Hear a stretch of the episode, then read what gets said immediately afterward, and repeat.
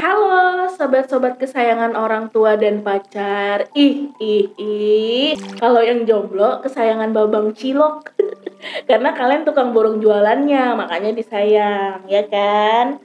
Apa kabar kalian? Udah makan? Makan sama siapa? Eh, sama apa maksudnya? hari ini hari yang bagus buat ambil jeda dari hiruk pikuk pekerjaan dan juga tugas yang gak pernah berkurang tumpukannya. Keluar sebentar, nikmatin udara yang udah kecampur sama gas-gas pabrik, ya nggak apa-apa lah. Yang penting masih ada langit dan awan yang menjadi pelipur lara. Tarik nafas, dan jangan lupa dibuang. Kasih waktu buat diri sendiri. Kasian dia udah berusaha terlalu keras, butuh istirahat kan? Nah, sambil istirahat, dengerin mama ya. Oke, kali ini mama nggak sendirian lagi nih gue. Um, gue bersama dua sahabat gue yang paling gue bosenin dalam hidup.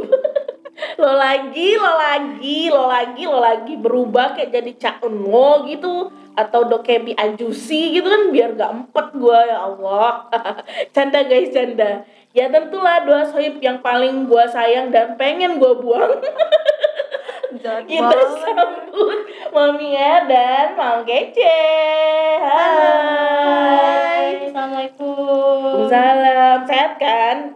Ayo udah gak usah ditanya Nanya, nggak mau jawaban. Mana? Hey girls, how are you today? I'm fine. Alhamdulillah. So, siap untuk seru-seruan lagi nih? Siap dong. Kalau iya seru sih, pasti dong ya. Pasti dong. Oke, hari ini gue pengen banget bawain hal yang sudah hampir langka di sekitar gue. Sebuah bentuk kekhawatiran akan tumbuh kembangnya otak balita di seribu harinya. Emang bisa ngitung gitu ya? Enggak dong, berat banget gue itu. Bukan bentuk kekhawatiran tentang etika di era milenial. Nah, ini nih. Ini, ini nih. Bahasan yang penting di masa sekarang ini, etika. Suatu aturan, norma, atau kaidah yang dijadikan pedoman dalam menjalani kehidupan bersama makhluk sosial lainnya. Yang sekarang udah hampir langka banget kan guys ya gue tuh udah kayak jarang ngedapetin dan ngalamin gitu ketika maksudnya adalah ketika melihat generasi-generasi muda di bawah gue dikit. Dikit aja karena kan gue masih muda juga guys. Iya kali ah. iya iya kan? Iyain aja ngapa sih? Iya. kadang gue suka gemes sendiri gitu ya. Mungkin karena gue juga dibesarkan di lingkungan yang sungguh menjunjung tinggi kesopanan dan juga etik keetikaan dalam sesama atau bahkan kepada yang lebih tua. Jadi pas nemu kenyataan di lapangan ya begitu gitu kan. Gue semasa muda sangat amat menghormati orang tua menghargai yang lebih muda.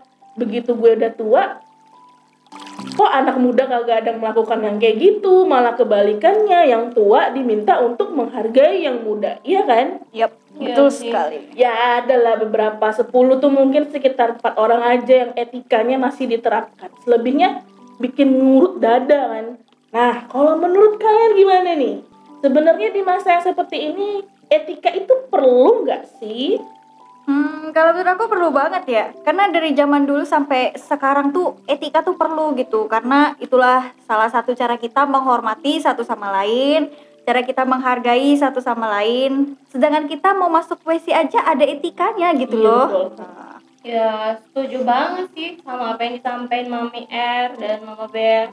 Krisis etika yang mungkin sudah banyak dilupain ya, atau bahkan udah males diterapin lagi kali ya. Yang terjadi di diri kita atau terjadi di lingkungan kita random banget sih, simple, pele, tapi efeknya sangat besar bagi hidup kita. Kenapa?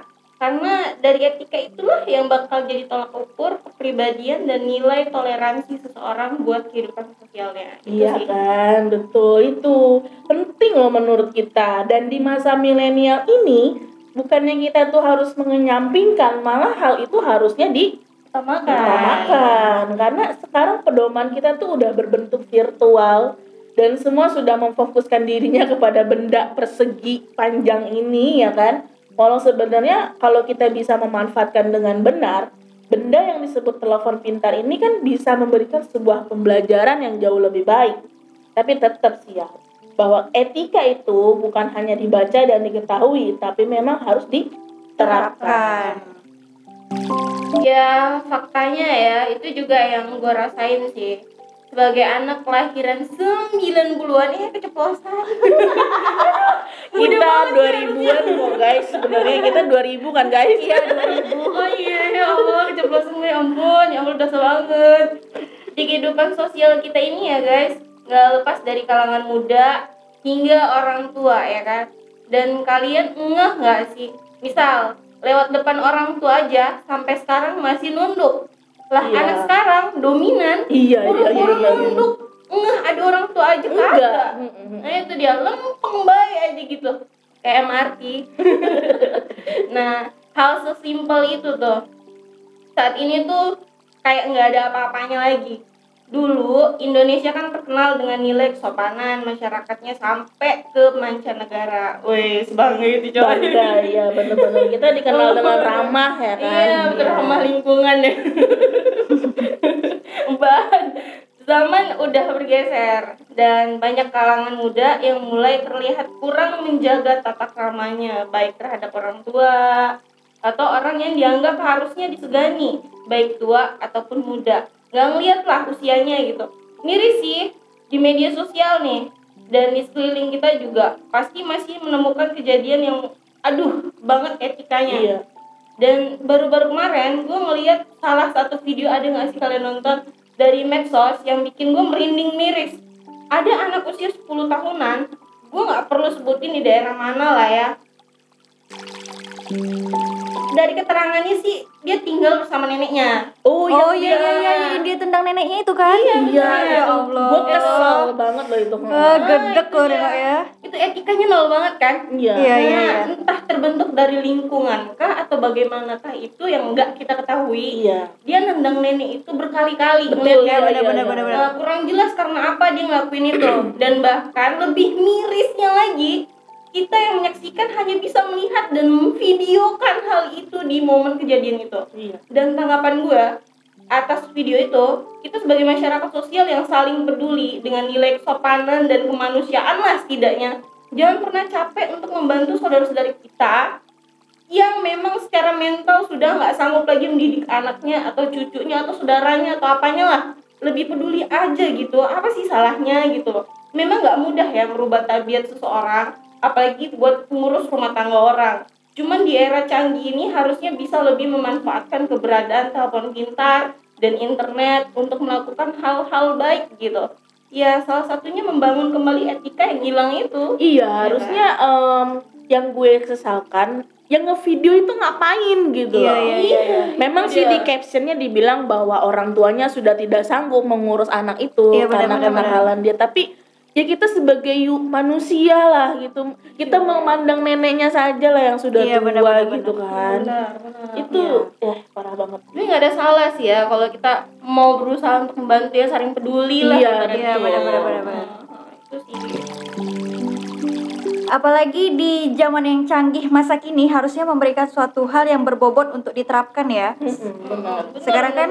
Zamannya gadget nih. Iya. Anak-anak di bawah lima tahun aja udah pada pegang gadget. Oh iya, benar, Iya kan? Aduh, susah sih kadang balik lagi ke orang tuanya. Jika orang tuanya tidak memberikan contoh yang baik kepada anak, maka si anak bakal mengorang tuakan gadget gitu. Hmm. Contohnya nih, waktu aku kecil dulu bahkan sampai sekarang ya, kalau ada tamu atau keluarga datang nih, pas aku lagi di kamar, aku pasti dipanggil keluar buat salaman, buat say hey lah bahasanya. Hmm. Itu juga merupakan salah satu etika kepada keluarga. Kalau di era milenial gini enggak coy. Mereka sibuk dengan gadgetnya masing-masing. Makanya aku bilang mengorang tuakan gadget mereka. Ya mungkin enggak semua seperti itu. Tapi ada baiknya pendidikan sedari dini itu perlu kita terapkan dan berikan kepada anak kita nanti gitu. Amin. Nah, itu dia itu dia. gitu. Gue suka gedek sendiri tau gak sih ketika melihat ketidak etikaan terjadi gitu aja dan lagi-lagi etika di sini juga bukan tentang hormat pada yang lebih tua ya. Ini Ya. juga berlaku kepada etika-etika kekaryawan sebuah toko gitu. Hmm. Kenapa gue sebut kayak gini? Karena gue pernah mengalamin gitu, pernah lah ya. Suatu saat gue mau beli tas nih rencananya. Pas saat itu momen mau lebaran, tas udah usang, ganti dong. Masa anak sultan nggak ganti? Iya. Hmm, mau lebaran, masa tas gue nggak baru? Ntar gue mau bawa pulang kue-kue sama air kaleng susah dong. rencananya juga mau beli tas ransel gitu tapi yang imut-imut biar menunjang penampilan gue yang cute ini nah ini di mall kita ini nggak perlu lah ya gue sebut mallnya di mana Iya, iya, iya. nggak perlu lah soalnya kan maunya cuma satu di sini ya Allah kota sedang berkembang berkembang. Ya begitulah pokoknya. Toko tas ini punya tiga karyawan cewek umur 20 tahunan yang masih belia-belia manja gitu lah ya. Tek tek tek tek masuklah gue ke tokonya. Puh, itu mata udah langsung pada nyosor gitu kan. Emang sih saat itu tampilan gue selekeh. Aduh selekeh. Apa ya bahasa Indonesianya selekeh ini? Biasa aja. Iya Biasa biasa aja kayak gembel ya lebih tepat kayak gembel Iya. gitu lah kan. Terus gue nunjuk lah satu tas yang emang udah jadi favorit banget motifnya gitu. Terus gue tanya berapaan itu mbak? Oh ini 250 ribu bu. Oke boleh lihat pegang aja bu. Jawab dia dengan sedikit senyum gitu. Cuman senyumnya senyum kayak ragu. Ini ah, ini orang bener nggak gitu. Pas gue cek gue ngeliat ada cacatnya dikit. Lah kan gue manusia penuh perhitungan ya. Nggak mau lah udah harganya 250 ribu cacat dikit nggak jadilah gue beli ya kan? Terus gue taruh lagi ngangguk-ngangguk burung beo gitu kan. Lihat-lihat yang lain sampai akhirnya mata tertuju pada satu etalase yang isi tasnya tuh be emang kayak tas-tas premium gitu kan. Yang best kualifikasi banget lah. Quality, quality. kualitas kali kualitas kualitas. Terus gue tanya lah sama mbak-mbaknya yang itu berapa mbak yang itu mahal bu. Kayak gitu dong dia anjrot gue bilang. Dalam hati gue tapi gue langsung gini sih. Iya sih mbak saya mana mampu beli. Ya udah deh saya beli ke toko sana aja. Mana tahu banyak yang KW-nya gue gituin gue langsung melengos pergi. Sedangkan toko yang satu tuh juga emang bagus juga sih tokonya dan attitude-nya lebih baik gitu loh. Nah sampai sekarang gue males banget kalau ngeliat situ maksudnya gini lu nggak perlu lah menunjukkan ketidakmampuan pembeli lu dengan bilang kayak gitu. Etika dalam transaksi kan pasti ada kan? Iya ada ada ada. Prosedur SOP-nya gimana? Ada gitu. Nggak perlu harus merendahkan derajat orang yang lu sendiri nggak tahu seperti apa. Even lu tahu derajat orang itu ya hargai aja dengan atas nama manusia gitu loh nah kalau kalian punya pengalaman krisis etika ini sendiri nggak sih? Ada ada ada ada. Jadi aku tuh ada pengalaman kemarin ya. Nih pas banget nih kemarin nih. Ceritanya mau cari baut. Masih anget-anget nih ya? Iya masih anget nih. Cari baut buat pintu kamar mandi. Hmm. Nah karena nggak tahu ngapa dari tokonya nggak dapet. Mm-mm. Tadinya mau nyuruh Oomet yang pergi kan, Mm-mm. cuman karena uangnya di ATM, jadi aku harus tarik dulu dong mau nggak mau. Iya. Pergilah ke toko yang kedua yang aku pikir deket rumah. Set set set, set, masuk kayak orang bodoh. Disambut sama karyawannya yang cowok. Mm. Jadi pas nanya-nanya gitu sama masnya, mbaknya yang di belakang yang duduk di meja kasir nih merocos gitu kan, nyuruh masnya buat handle barang yang mau datang. Dan masnya mau ninggalin aku dong yang jelas-jelas lagi di handle dia. Terus si mbaknya dengan judesnya bilang, kamu mau ke mana? Ini handle dulu kakaknya. Itu barang yang datang biar aja lah. Tahu lah saya gimana tempatnya. di Katanya- depan elunya di depan oke. Ya ampun. Wih, judes banget nih orang. Dalam hati, uh mak kesel masuk sini. Nyesel gitu Mm, mm, mm. karena itu masnya nggak tahu apa yang aku maksud jadinya sama-sama bingung kami kan jadi mbak itu tuh bilang itu bautnya kamu tunjukin aja sama kakaknya. Kita juga nggak tahu baut yang mana dia mau. Mak. Wah kesel dong lagi lah itu. Epic. Sih kalau bilang. Iya udah hampir emosi kan? Mm-mm. jadi aku bilang sama masnya mas nggak tahu ya? Ya udah deh nggak apa-apa saya cari tempat lain aja. Astagfirullahaladzim. Selama lama aku kerja Iya. pasti ada SOP-nya buat handle iya customer betul. Walaupun ya kerjanya di toko baju tapi juga ada, Ada etikanya, etikanya, iya, Ah, betul. harus ramah Ramah. senyum Mm-mm. empati sama customer. Miris ya padahal kan pembeli itu raja. Iya beda halnya sama orang tua. Ada nih yang kerja di rumahku ada om sama pak ade nah om ini kalau ngomong sama aku biasa aja tapi si pak ade ini kan udah tua gitu ya. Hmm. terus juga dia eh, orang Jawa gitu kan. Dan dia ngomongnya tuh bahasanya pakai bahasa lembut gitu sama aku. Jadi kayaknya aku miris gitu. Yang muda kok nggak menghormati sesamanya tapi justru yang tua menghormati yang muda ya ampun itu dia gitu. tadi yang Yes, gitu. muda itu mi- diminta untuk menghargai apa menghargai gitu Iya. yang tua tuh diminta untuk menghargai yang Iya. muda kan terbalik gitu. terbalik jadinya gitu ya ampun Mam Keci ada atau jangan-jangan lu nyanyi Enggak, kalau enggak sih dong kita kan balikan. baik-baik cakep-cakep kita kita mah cantik Ah, ah, kita kan cantik ya.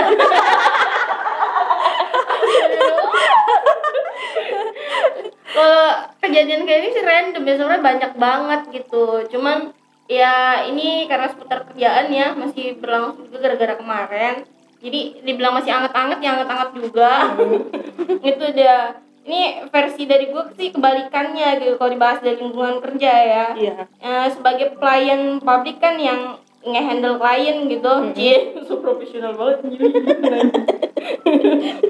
Oke, lanjut ya. Ya di versinya gue justru kejadiannya karena customernya gitu loh. yang Kenapa tuh? tiba-tiba datang dengan marah-marah tanpa tanpa tahu karena apa gitu loh. Dan gue selaku pelayan publik kan ya sadar dengan prinsip SOP dunia kerja itu kan gitu loh. Dia datang dia marah-marah dengan nggak tahu apa tujuannya. Iya udah karena teman-teman yang lain juga udah bingung nggak tahu ngehandle kayak gimana akhirnya gue maju gitu loh Hmm. gue ngehandle tuh orang karena gue lihat selain dia ada klien yang lainnya juga dia marah-marah itu yang dengan apa ya dengan cara yang nggak nyaman lagi gitu ibaratnya nah gue minta dia untuk duduk dulu iya gitu. tenangin dulu tenangin gitu. dulu gitu loh dan gue juga memang dalam kondisi yang memang ya capek atau kayak gimana ya cukup kita aja sih yang Hmm, tahu gitu betul. Kan iya iya. Ya kadang karena kita nginget kita nih pelayan pelayan publik gitu Hmm. harus menyembunyikan itu gitu. Jadi ya gue handle lagi dianya. Gue handle gue tenangin dulu pikiran gue hati gue emosi gue ya baru gue bisa nenangin dia kan gue Hmm. suruh gue minta bapaknya pak silakan duduk apa yang bisa dibantu?